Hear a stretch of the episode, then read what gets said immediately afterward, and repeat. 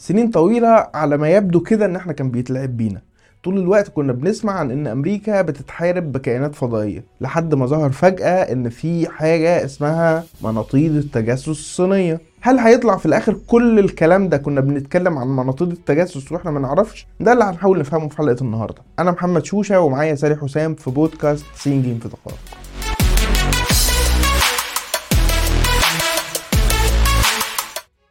يعني في الآخر يا ساي هيطلع الموضوع كله الجنازه حره والميت بالون بعد كل الرغي اللي عمالين نرغي فيه ده؟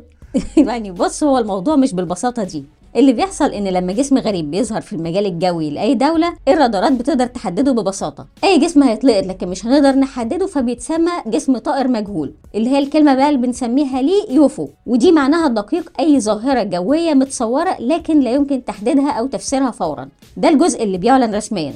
لكن المشكلة هنا بتبقى في الإيحاء مش التعريف. يعني بالعربي كده أحيانا بتترجم على سبيل التجاوز لكائنات فضائية وفي غير العربي نظريات المؤامرة بقى ما اثرتش بتقعد بقى تقول لك ان اليوفو دي مركبات فضائية أو أطباق طايرة. وتم استخدامها باعتبارها دليل على وجود حياة ذكية بره كوكب الأرض. لدرجة توصيف بعض وسائل الإعلام الأمريكية لأي كشف عن عن أي معلومة عنها بتعتبرها أنها أعظم سر في تاريخ البشرية. طيب دلوقتي بعد تكشف مناطيد التجسس الصيني اللي إحنا سمعناه الفترة اللي فاتت هل نقدر نقول بشكل قاطع إن مفيش حاجة اسمها كائنات فضائية؟ بص هنقسم الإجابة لنقطتين الأولى إن بحسب التايمز فبعد إسقاط منطاد التجسس الصيني الأخير وبعده سلسلة تعقب لأجسام مماثلة في المجال الجوي الأمريكي والكندي فالبنتاجون ووكالات الاستخبارات الغربية أعادت تصنيف حوادث مماثلة سابقة بعد ما كانت بتتصنف باعتبارها يوفو اللي هي أجسام مجهولة يعني. فجزئيا نقدر نقول إن على الأقل بعض الحوادث السابقة اللي كان بيتسمى مركبات فضائية طلع صيني والباقي غالبا بيتنسب لحوادث زي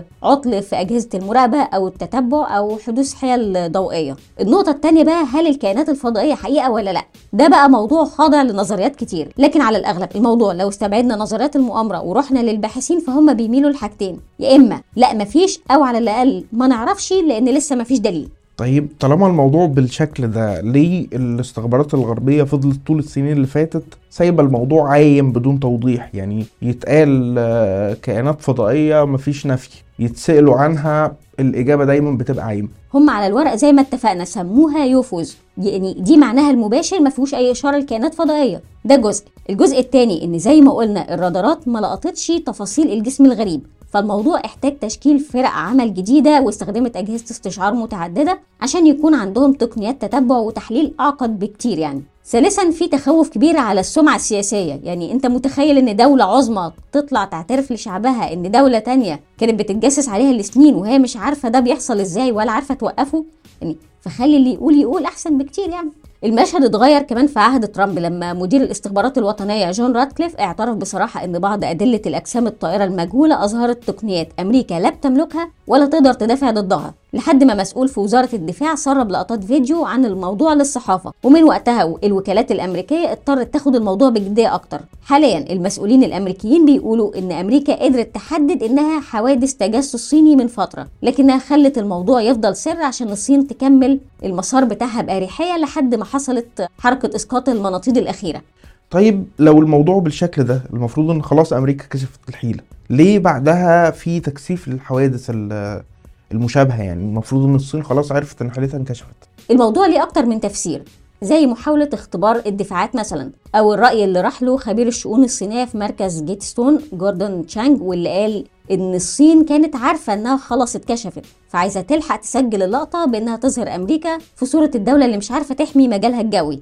ما ننساش إن وكالة المخابرات الأمريكية بتقول إن تقارير اليوفوز وصلت ل 366 حالة جديدة بعد مارس 2021 مقارنة ب 144 حالة اتوثقت على مدار 17 سنة. فالتكثيف الواضح ده لو ربطناه بكلام المسؤولين الأمريكيين عن إن أمريكا خلاص كشفت سر ال UFOs بقالها فترة يمكن تكون الصورة وضحت أكتر خصوصا بعد تصريح قائد القيادة الشمالية الأمريكية اللي اعترف بتفوق الصين في النقطة دي لما قال إن في فجوة في الوعي بمجال البالونات بتاعة المراقبة وإن أمريكا محتاجة تستكشف الصين وصلت بيها لحد فين. والصين بدورها حاليا بتتهم أمريكا بإنها بتطير بالونات تجسس فوق مجالها الجوي وأمريكا طبعا بتنفي بتقول ما حصلش. ومن الواضح إن حرب المناطيد مكملة معانا الفترة الطويلة اللي جاية. كالعادة هنسيب لكم المصادر في ال description وهنا بتكون انتهت حلقتنا.